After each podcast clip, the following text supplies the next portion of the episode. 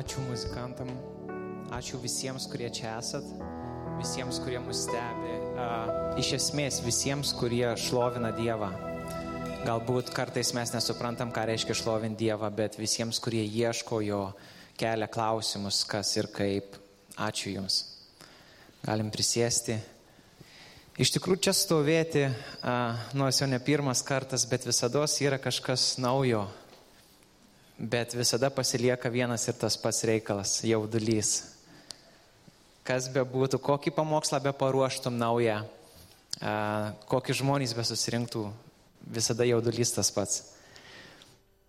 Nes iš tikrųjų tai nėra paprasta, iš tikrųjų čia stovėti prieš jūs nėra paprasta, nes tie, kas supranta, tie, kas supranta, kad Dievo žodis yra gyvenimą teikiantis, kad apskritai šitas, šitas gyvenimas susideda iš labai daug dalykų ir tai, ką mes čia pasakom, ar bet kas, jūs gatvį tai, ką pasakot, tai ateina su tam tikra atsakomybė. Ir labai daug nesigilinant, galbūt, bet šiaip, kas kažkiek bent skaitėt, rašto vietose ten rašo, kad kažkaip tie žodžio tarnai ar šiaip tarnai bus teisiami griežčiau. Ir kai tu bent truputėlį pagalvoji apie tai, tada, e, na, kaip sako, kaip sporto salėje šiek tiek prakaitas išpila. Ir pagalvoji, ar iš tikrai to nori daryti, bet tada supranti, kad jeigu Dievas tave kviečia, tai yra geriausia, ką tu gali padaryti. Ir šiandien norėčiau kalbėti labai tokia, kaip pats taip galvoju, nu man vidai, nu čia kiek kartų galima tą patį per tą patį brūžyti bet mes pabandysim dar kartelį ir tai vėlgi tai yra tik tai mano mintys.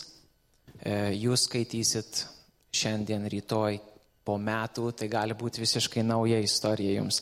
Bet mes šiandien paskaitysim istoriją iš Luko Evangelijos 10 skyrių ir um, paskaitykim istoriją pačią, po, truput, po to truputėlį sugrįšim. Tai yra 10 skyrius nuo 30 eilutės.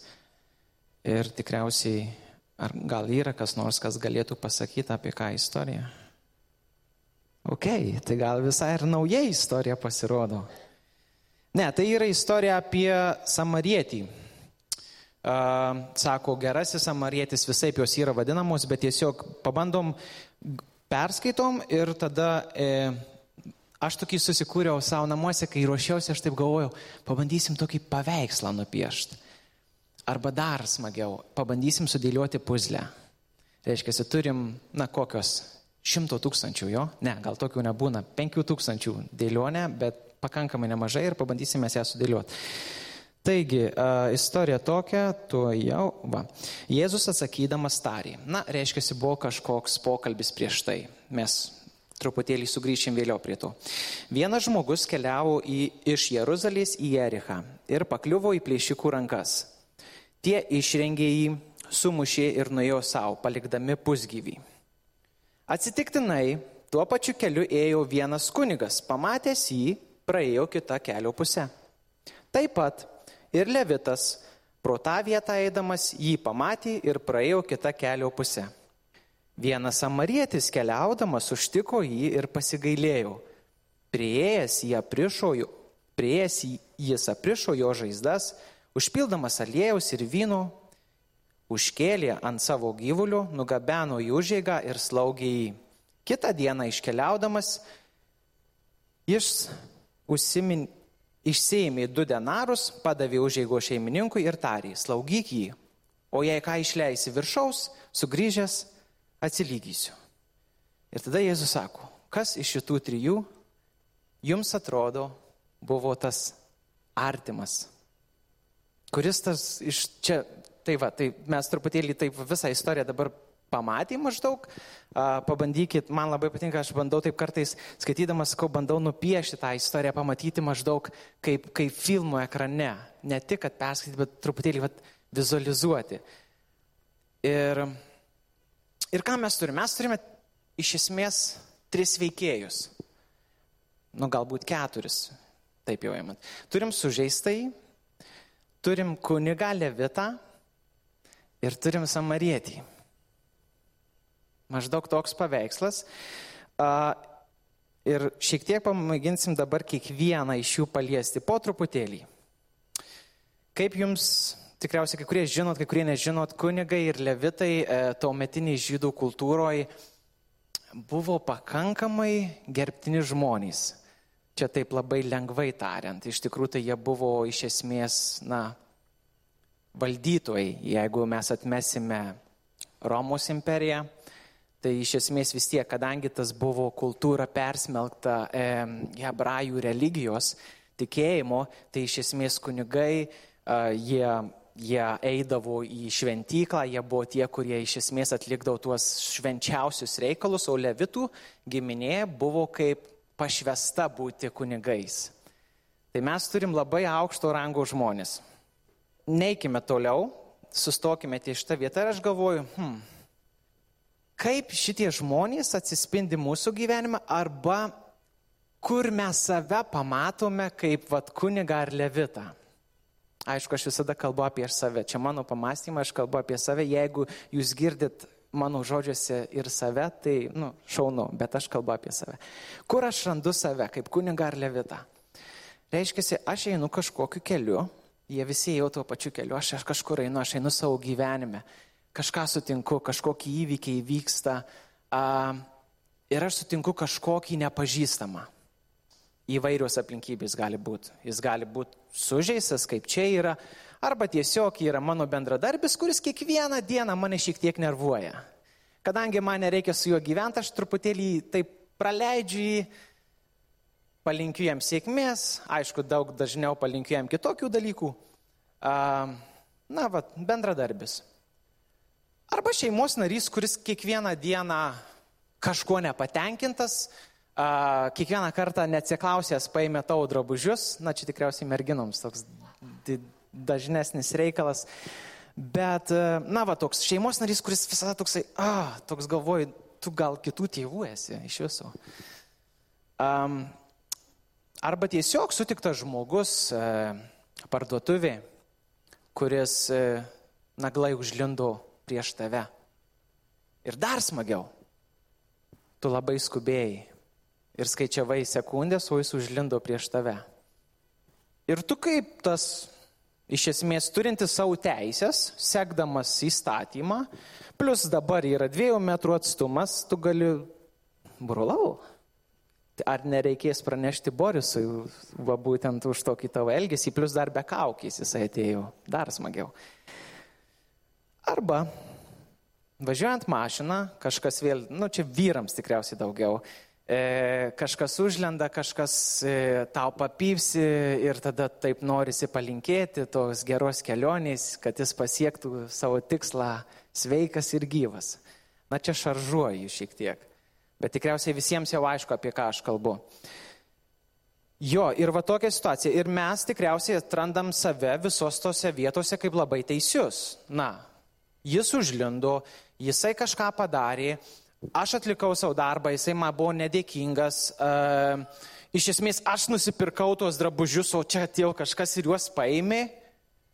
Aš esu teisus. Tas pats vyksta su kunigais ir levitais. Atkreipkime dėmesį, nes pati istorija iš esmės, ką jinai sako, mes um, galim atrasti, kad tai nebuvo, tai šita istorija nėra tokia, kad jinai atsiranda vat staiga. Biblijoje bumt atsirado. Ne, tai buvo amžiai. Iš esmės, hebrajai turėjo savo, savo knygą, savo mokymus, jie turėjo torą ir jiems buvo normalu iš esmės suvokti, kad samarietis iš vis, dar nebėgam į samariečius, apskritai, kad, kad, kad liesti, va šiuo atveju kunigai ir levitai, kad liesti kažką susitepusį krauju, tai nėra gerai, tai nėra šventa.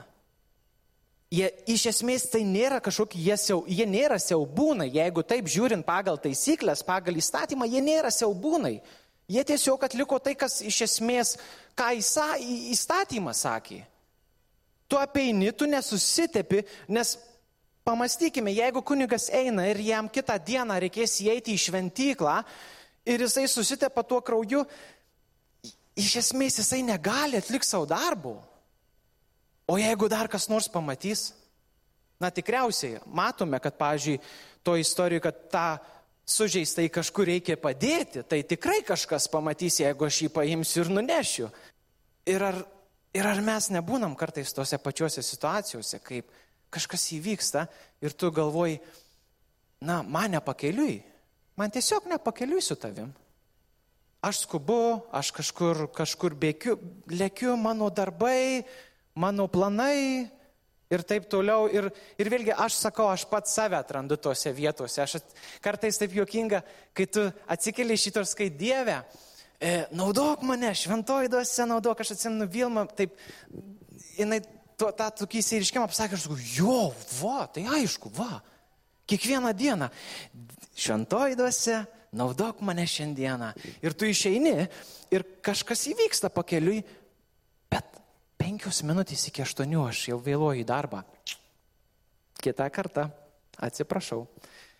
Ir tu, ir tu kažkur nubėgi, ir aišku, nu, mes nežinom, o kas būtų nutikę, aš nežinau, kas būtų nutikę, ir po to vėlgi atgailauju, ir, ir, ir, ir tame nėra pasmerkimų iš esmės, bet kažką mes pramisinam. Dievas maloningas, jisai atleidžia, nu, ta, aš tikiu, kad jis atleidžia, nes vis dėlto dar čia stoviu. Bet va, kiekvieną dieną galima atrasti save. Ir šitoj vietoje apsiritai, va šitas pats laikas, aš manau, aš nesakysiu, kad tai Dievo siūstas laikas. Aš pasakysiu, kad Dievas šitą laiką naudoja. Bet šitas laikas, žinot, kaip sako lietuviai, taip sako, kaip yra, kaip, neatsimdavo tų išsinkų, kaip įlindęs tas pašinas į, į koją iš esmės.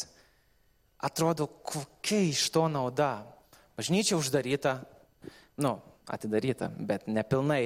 E, kaukės reikia dėvėti, kiekviena valdžia iš esmės savo Supraskit mane, aš nenoriu politikuoti, tikrai nenoriu, bet tiesiog aš noriu nupiešti tą vaizdą šito laiko. Tarsi kiekviena valdžia sudaro savo taisyklės.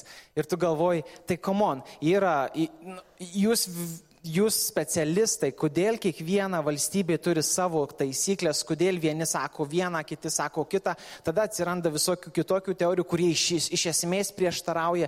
Ir tada gaunasi toksai didžiulis chaosas. Ir mes turim, tada aš klausiu, tai šitam hause, kas yra mano artimas, kas yra va, tas, kuriam aš turiu patarnauti, kurį aš turiu mylėti. Ir iš esmės mano pamokslas yra apie meilę, aš nežinau, kodėl tiek ilgai telsiu.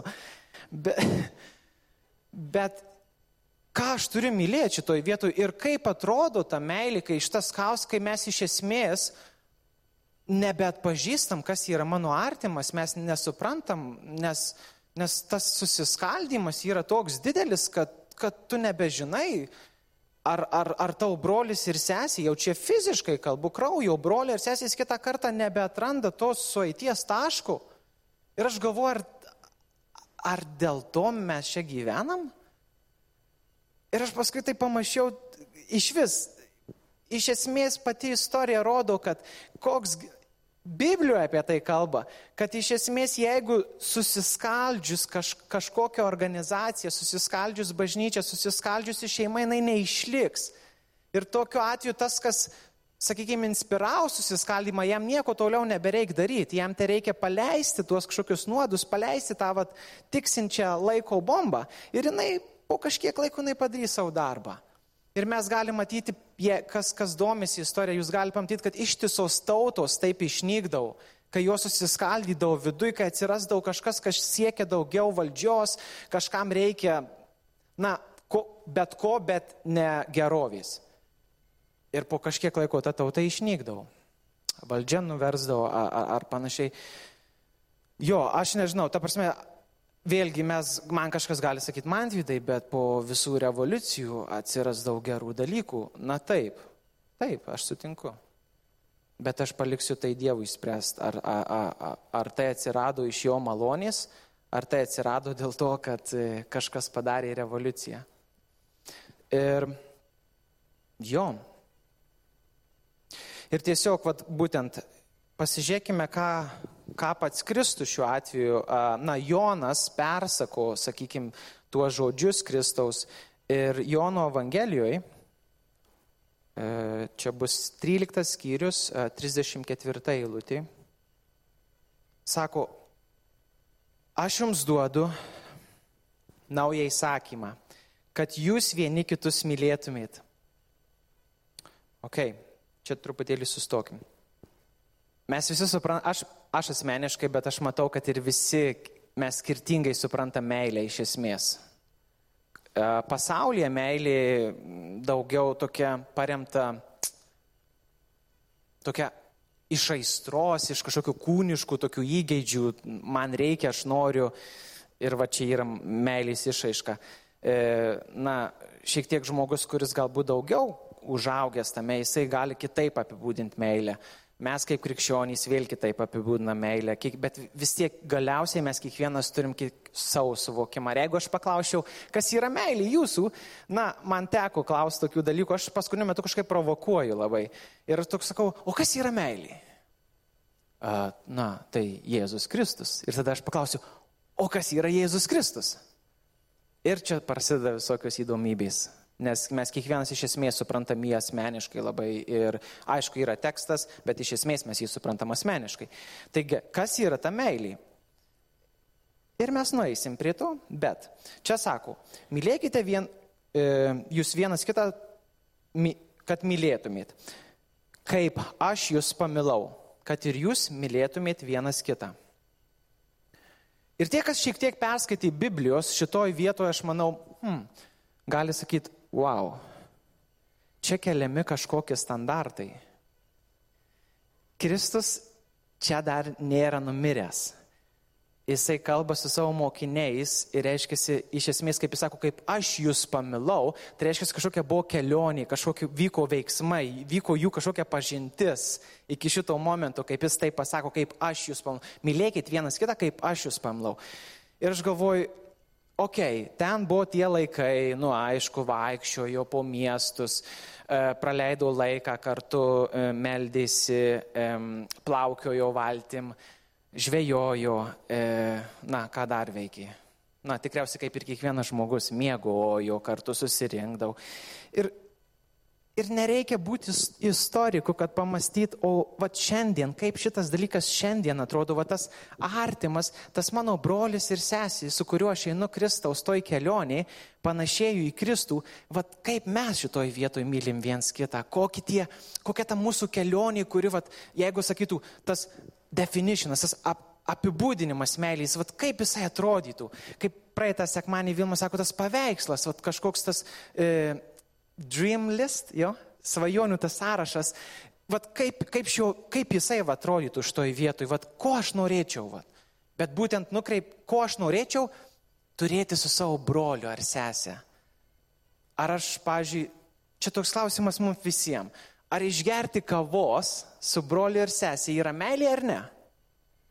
Ar su juo, kaip jam, kai tu žinai, kad jam kažkas vat, vyksta ir su juo reikia praleisti laiką, ar tai ir tu turi aukoti savo laiką, kad su juo praleistum laiką, ar tai yra meilė ar ne. Ar kai jam reikia paskolinti kažkokį dalyką, bet iš tikrųjų tau to dalyko visai reikėtų. Ir tu viduje turi, kad tu turi paskolinti, ar tai yra meilė ar ne.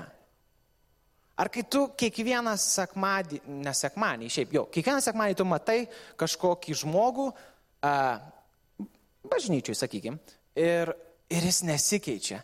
Ir tu žymeldės jau penkti metai, kiekvieną dieną, ir, ir rytą, ir vakarą. Ar tai yra meilė tęsti maldą? Aš nesakysiu. Jūs patys pagalvokit ir pasakykit savo. Ir va ta Jono istorija, aš truputėlį daugiau joje pasižiūrėjau. Jėzus prieš tai, sako, kai jie susirinko, jisai nusijuosė savo apdarą ir, ir plovė jiems kojas. Kam plovė kojas? Tai aišku, plovė savo mokiniams, patiems geriausiams. Bet tuo metu dar buvo ir judas su jais. Ar jis plovė kojas ir judui? Žinodamas, kas toliau įvyks. Ir visas apskritai pokalbis, jeigu skaitysit šitoje vietoje, kaip jums atrodo, kaip tas paveikslas Kristaus ir judų Mes tokių dažniausiai sąlygų neturime, mes nežinom kito žmogaus motyvų, o čia Jėzus žino jo motyvus ir vis tiek, na bent aš, aš skaitau ir aš matau tą santykį, wow, ta prasme, tai, tai, tai kažkas iš, iš kito pasaulio, ta, ta meilė, tas, tas bendravimo lygis, tas iš esmės šiuo atveju Kristaus netgi nusižeminimas, nes nu, plauti kojas vėlgi tam šiek tiek pasigilinę, žinom, kad toj kultūrai, nu, tai yra vergai tai darydavo iš esmės. O Kristus tai daro ir, ir atrodo, tai jam, jis kažką, jam tai yra kaip normalu, bet tuo pačiu metu jis bando kažką parodyti jiems, nes, nu, vėlgi, toliau yra pokalbis ir jisai šiek tiek jau nupiešė tą paveikslą. Bet aš taip galvoju, bet, bet tas mūsų, mūsų tas santykis, vat, kaip brolių ir sesių, kaip čia dar kalbu būtent apie tą vadinamą artimą, kurį mes suprantam, kaip sako, by default tiesiog iš anksto tu žinai, taip, taip, tai mano artimas, tai vat, brolis, sesiai, bažnyčioj ar panašiai. Aš kalbu apie dar, kol kas dar tik šitą grupę žmonių.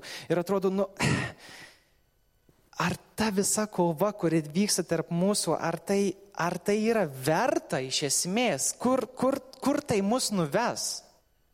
Ir aš pats asmeniškai tai taikau savo, nes visada, kaip, nu, nežinau, čia kaip kaip Darius sako, man, man tvydėlį, palauk, viskas gerai. Aš pats savo tai kartoju beveik kiekvieną dieną, nes atrodo, nu tai taip, tu žinai geriau. Nu, tai ką, tai ką čia tas, tai taigi ne, ne, nežiūri tiek daug e, visokių knygų, neskaito tiek daug. Tai iš kur jam žinot, o aš tai žinau geriau. Šiaip tai aš čia stoviu ir kalbu ne jūs. Tai, tai aš žinau geriau. Ir tada tu skaimant vidėlį, truputėlį atsisėsk, palisėk. Ir šitoje vietoje aš matau, kad sako, nebūtina, neskaitysim tiesiog, vad Jono 15, 15 skyriui, 12-13 eilutė. Sako, niekas neturi didesnės meilės kaip tas, kuris savo gyvybę už draugus atiduoda. Uh, va, aš atsim, kai šitą vietą perskaitau, aš truputėlį perskaičiau, aš pasidėjau viską į šalį, nes man reikėjo e, nurimti, nes tai iš, iš esmės mane supurti.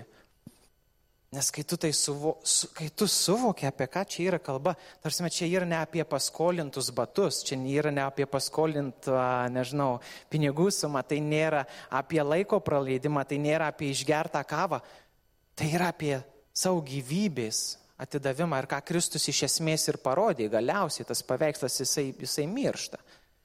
Mes žinom, taip, jisai prisikelia.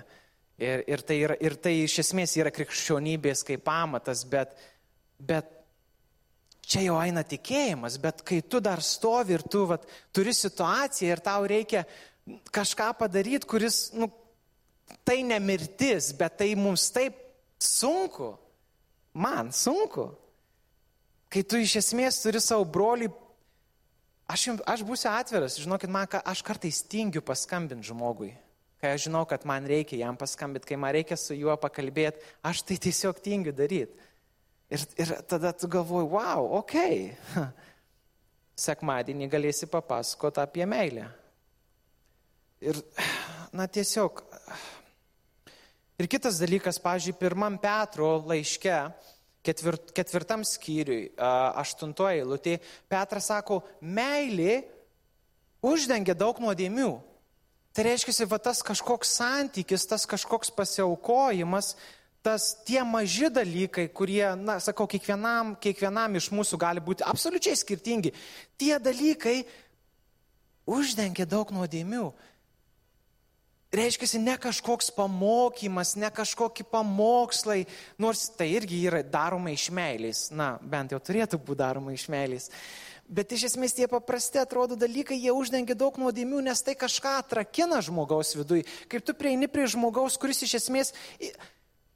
Kiekvienas iš mūsų yra sužeistas, vienaip ar kitaip, mes turėjom savo kelionę. Aš atsimenu, kai buvau, e,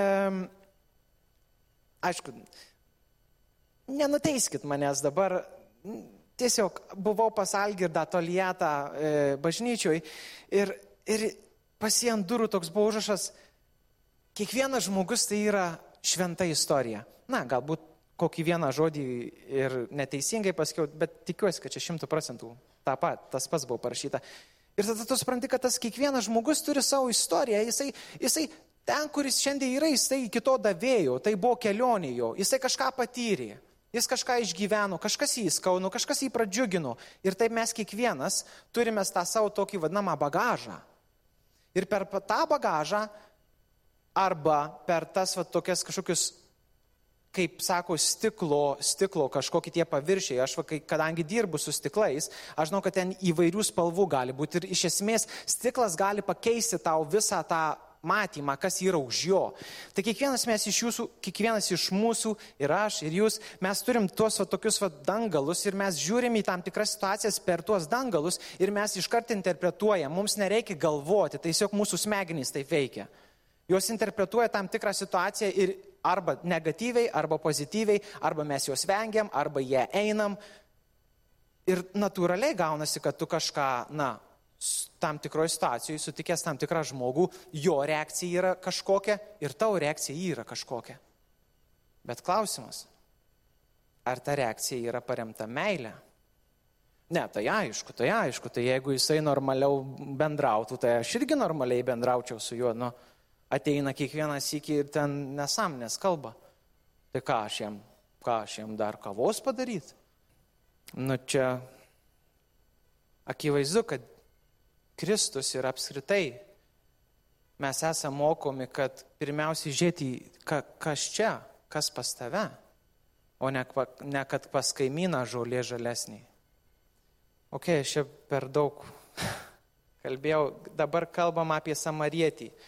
Uh, iš esmės, vėlgi, samariečiai, labai, labai trumpai, e, samar, Samarija ir visa, visa iš esmės va, ta etninė grupė, tai pavadinkime, jinai anksčiau jie buvo vien, e, tai buvo hebrajų tauta, bet e, vykstant karams, vykstant tremčiai, e, įsikūrė dvi karalystės, tai buvo Izraelio ir tada buvo va, ta, ką šiandien mes turim kaip, kaip hebrajų tą visą, e, daugiausiai tai buvo Judo ir Benjamino giminiai. Ir jie atsiskyrė. Žinoma, po to sama, samariečiai, dėl ko jie buvo kaltinami, kad jie e, maišysi su kitom kultūrom, e, vyrai ėmė į žmonas visai kitatikius, prarasdavo savo tikėjimą ir panašiai ir panašiai. Ir iš esmės, ką mes turim netgi Jono Evangelijoje ketvirtam skyriui, devintoje lūtį, kai Kristus susitinka ir kalba su samarietė, sako, tai, taigi jūs nebendraujat su mumis. Reiškia, ta, ta sankirta tarp jų jinai buvo pakankamai didelį. Tai nebuvo, kad šiaip, vėlgi, čia aš piešiu tą paveikslą, nes mes turim suprasti, kad tie kunigai praėję pro šalį, tai nebuvo tik šiaip toksai, žinai, ai, čia mane pakeliui. Ne, tai buvo iš esmės visas mokymas, jisai atėjęs jau kartai iš kartos, kad samariečiai yra tie, su kuriais nedėra bendrauti, kurie netitinka tų standartų, kur, šiandien mes galim sakyti, kurie nėra krikščionys. Mums krikščionims nedėra bendrauti su tie, kurie yra susitepę, kurie yra nekrikščionys, kurie neskaito Biblijos kiekvieną dieną ir nesimeldžia taip, kaip mes melžiamės. Kitos denominacijos žmonės, o galiausiai iš vis netikintys. Taigi, aišku, kad ne, taigi aš negaliu susitepti. Ir da, istorija, kai Luko Evangelijų 9 skyriui, 52-56 eilutį, kai Kristaus neįleidžia į vieną iš Samarijos kaimų, sako Jonas, na, du broliai šaunuoliai, Jonas su Jokūbu, man atrodo, jo brolis buvo, jie vėlgi sako, tai čia jokių problemų nėra. Kristau, tu tik mums pasakyk, mes melsimės, kad e, ugnis iš dangaus nužengtų ir tą kaimą sunaikintų, kaip Elijas padarė. Labai paprasta viskas, o kokios problemos? Išspręsim tuoj, tie samariečiai, tai va, va tokius tai reikia iškart sutvarkyti. Kelia čia sumaištį. Ir tu matai, kad tas charakteris, va tas santykis, jisai ten buvo, wow, ten, ten, ten žmonės nesusikalbėjo visiškai. Ir šitoj vietoj Kristus duoda tokį palyginimą, nebereikalu. Tikrai nebereikalu. Jo, Ir įsivaizduokit apskritai, vat, e, galim paskaityti dar šiek tiek, čia truputėlį daug skaitimų, kad tiesiog būtų aiškiau. Mato Evangelijoje penktam skyriui 50, su, 43 eilutė. Penktam skyriui 43 eilutė. Sako, jūs girdėjote, jog buvo pasakyta, mylėk savo artimą ir nekesk savo priešų ką mes ką tik ir jau įsiaiškinom, kad, nu, va, tokia ta tendencija buvo, toks matymas. O aš jums sakau, mylėkite savo priešus, laiminkite jūs keikiančius, darykite gerą tiems, kurie nekenčia jūsų ir melskitės už savo skriaudėjus ir persekiotojus. Kad būtumėte vaikai savo tėvo, kuris danguje. Jis, jis juk leidžia savo sauliai tekėti blogiesiems ir geriesiems, siunčia lietų ant teisiųjų ir neteisiųjų. Jei mylite tik tuos, kurie jūs myli, kokįgi atlygį turite? Ar tai nesielgia ir muitininkai? Jei jūs sveikinate tik, sveikinate tik savo brolius, kuogi viršesni ar viršijate kitus? Argi to nedaro ir muitininkai? Ir sako, taigi būkite tobuli, kaip jūsų tėvas, kuris danguje yra tobulas. Nu čia, šitą vietą perskaitai ir tada nebereiks skaityti nieko, kas buvo prieš tai. Nesupranti, kad, wow, čia, čia ne man, čia per daug. Bet tas va santykis, Kristus brėžia tą santykį, kad, kad tie dalykai, tu, tie žmonės, arba, nu iš esmės žmonės, kuriuos mes šiandien laikom kaip, kaip um, ne šeimos nariais, kaip, kaip tai svetimais. Ir čia labai aiškiai jisai sako, čia net nereikia kažkokių įsivaizdavimų, ta prasme savo priešas, tas, kuris tave keikia, tas, kuris tau kenkia. Jisai sako, ne, sako, nedantis už dantį, bet sako, laimininkite juos, melskitės už juos, darykite gerą. Ir šitoj vietoj, aš asmeniškai šitoj vietoj pff, kiekvieną dieną atgailauju. Nes jau aš esu minėjęs, kaip darbe kažkas įvyksta, nu taip norisi, uh, jo, taip norisi visiems pasakyti, kas čia, kas čia vadovauja ir kas yra teisus, kas yra neteisus ir šis bedėvė jūs. Ir, na, kiekvienas mes turim tų situacijų, kiek tik norim. Ir čia Kristus kalba visiškai, jisai piešia visiškai kitokį paveikslą, jisai sako, ne, ne, ne, ne, ne. Iš vis toks dalykas kaip priešas iš esmės dar turi būti labai gerai apgalvotas tavo galvoje. Kas yra tavo priešas? Nes tai, ką tu šiandien laikai savo priešų, dėl įvairiausių priežasčių, nebūtinai, nebūtinai jis yra tavo priešas. Ir tada tu supranti, kad tai sudėtinga, Tai yra be galo sudėtinga ir galbūt kas nors iš jūsų, aš manau tikrai bent keli arba stebintys, arba čia esantys, žinos, toks buvo apologetas e, Ravis Zacharajas. Zacharijas, galbūt taip kirčiuoti reikėtų. Ir jisai sako, Jėzus netėjo laimėti ginčių, jis, netėjo, jis atėjo laimėti žmogaus. Arba Jėzus niekada neatsakinėdavo į klausimą. Jis atsakydavo žmogui. Reikia, nereikia, e, vienas įstatymas, kitas įstatymas, aš taip žinau, aš anaip žinau, ginčiai dėl skirtingų nuomonių. Ne, sako, čia net netame esmė. Esmė yra žmogus ir santykis su juo. Kristus sako, žinot, Kaip pažins jūs pasaulis? Iš meilės vienas kitam. Ir iš esmės nuomonių skirtumas ir kažkokia diskusija, kai tu diskutuoji, tai nėra meilės nebuvimas, nenoras išklausyti brolių, sesys. Nuo savo teisumo kėlimas aukščiau visako. Tai yra meilės nebuvimo ženklai.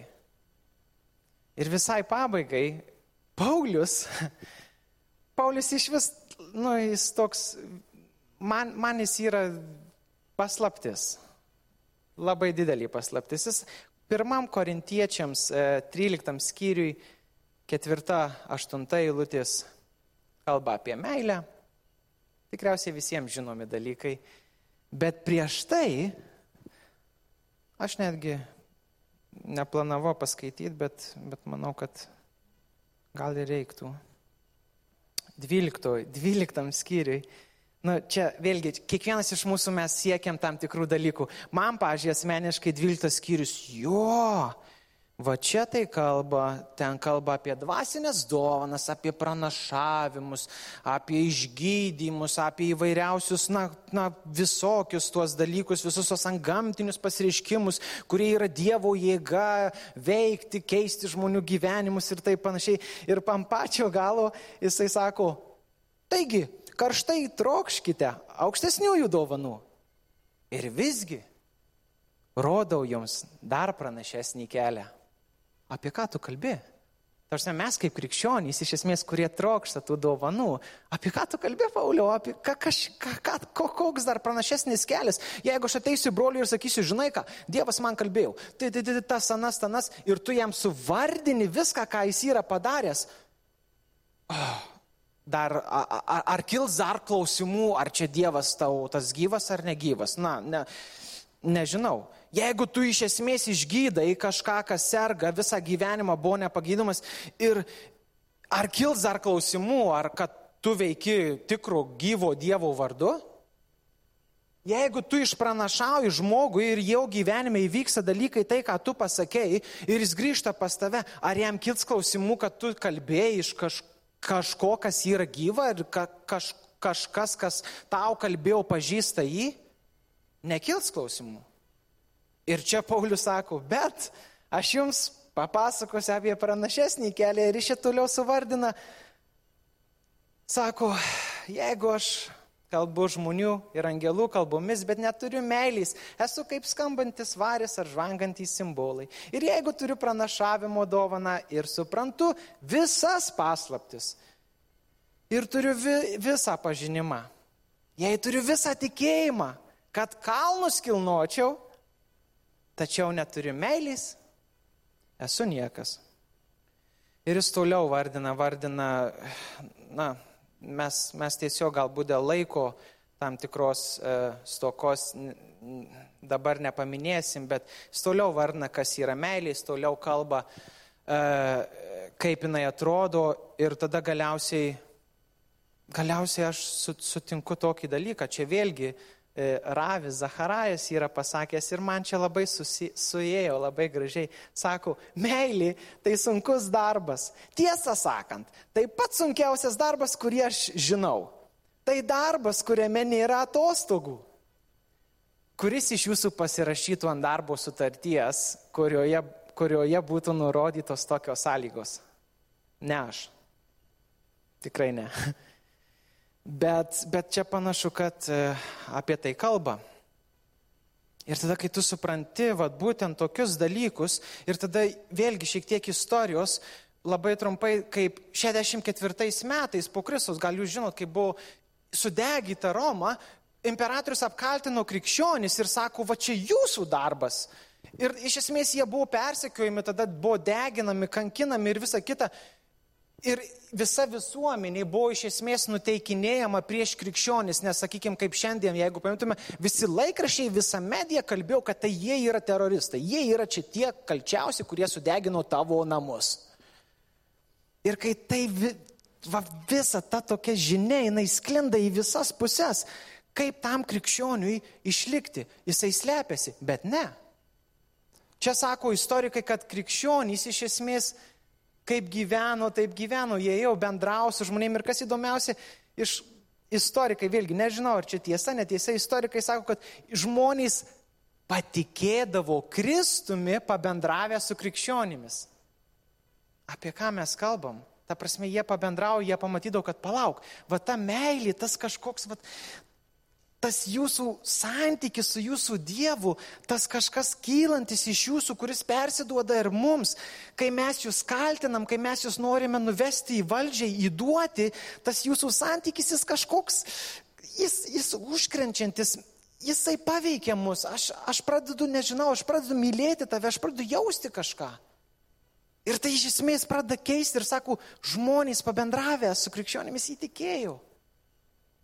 Nors tuo metu tu suvoki, kad įtikėti tai beveik to lygų mirti.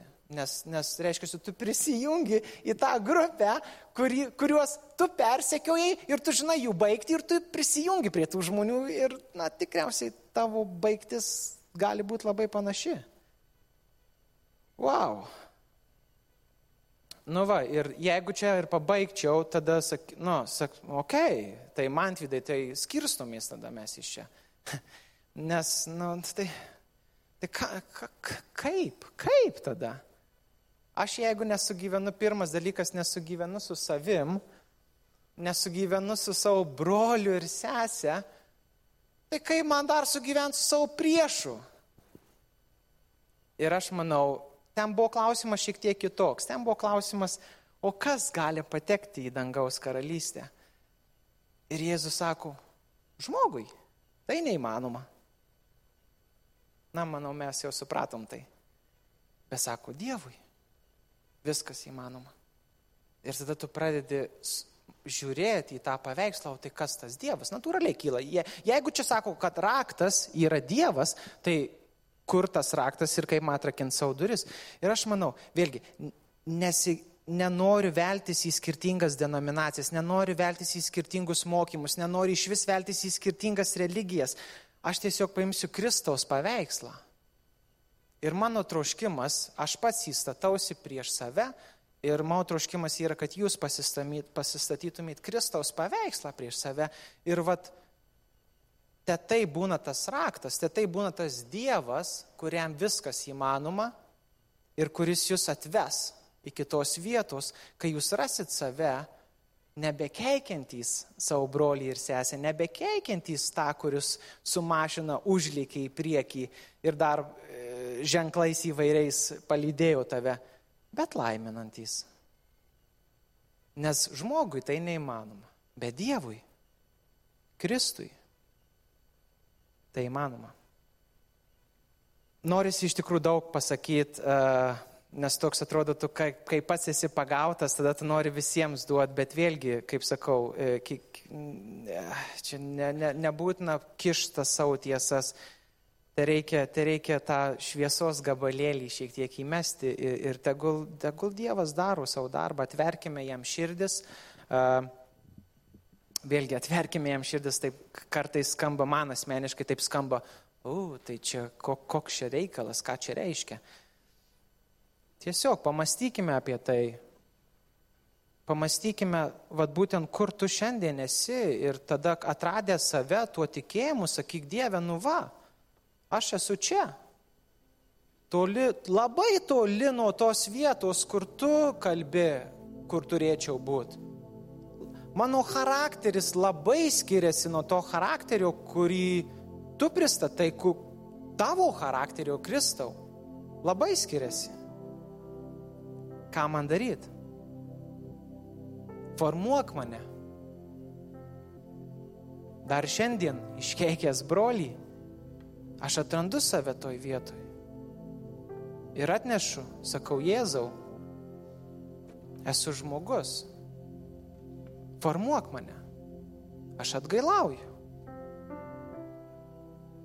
Ir kitą dieną galbūt vėl taip pat pasielgiu. Aš dabar netoleruoju nuodėmės. Aš sakau, kad esam žmonės ir kad mums reikia Kristaus. Dieve, mes, mes kreipiamės į Tave. Mes kreipiamės į Tave Kristaus vardu, mes kreipiamės į Tave dėl to, kad Kristus mums, mums parodė tą kelią. Ir sakom, kad mes esam žmonės, mes Mes klystam ir tu tai žinai, tu tai geriausiai iš visų žinai. Mes kovojame kovas, kur rezultatai dažniausiai būna destrukciniai.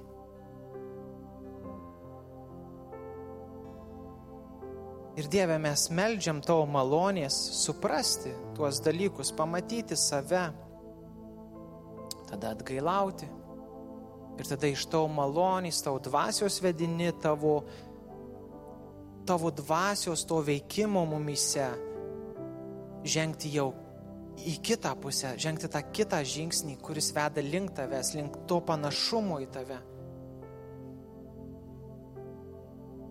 Sukurti pagal Dievo atvaizdą.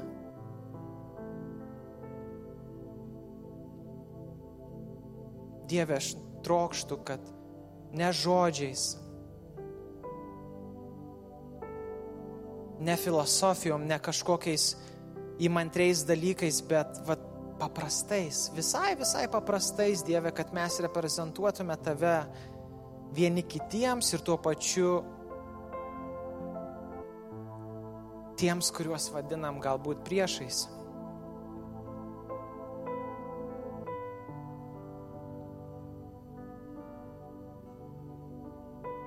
Jėzau, aš meldžiu, kad mūsų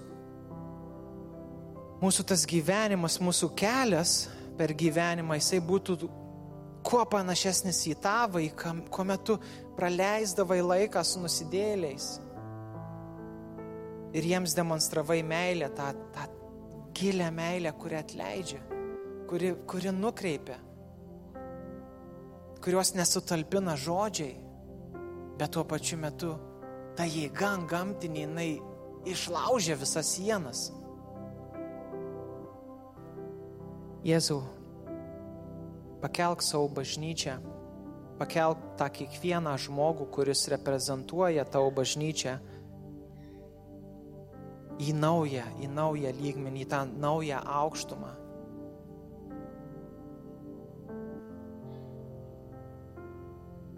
Mes nustotume teisti vieni kitus, mes nustotume kovoti vieni su kitais, bet, bet pradėtume statyti, pradėtume sėti sieklas, pradėtume būtume tie darbininkai, kurie pasirašo ant sutarties, kurioje nėra sąlygos atostogoms. O atostogos pačios geriausios. Te ateina iš tavo malonės. Te atgaivina mūsų sielas ir kūnus. Meldžiam. Jėzos Kristus vardu. Amen.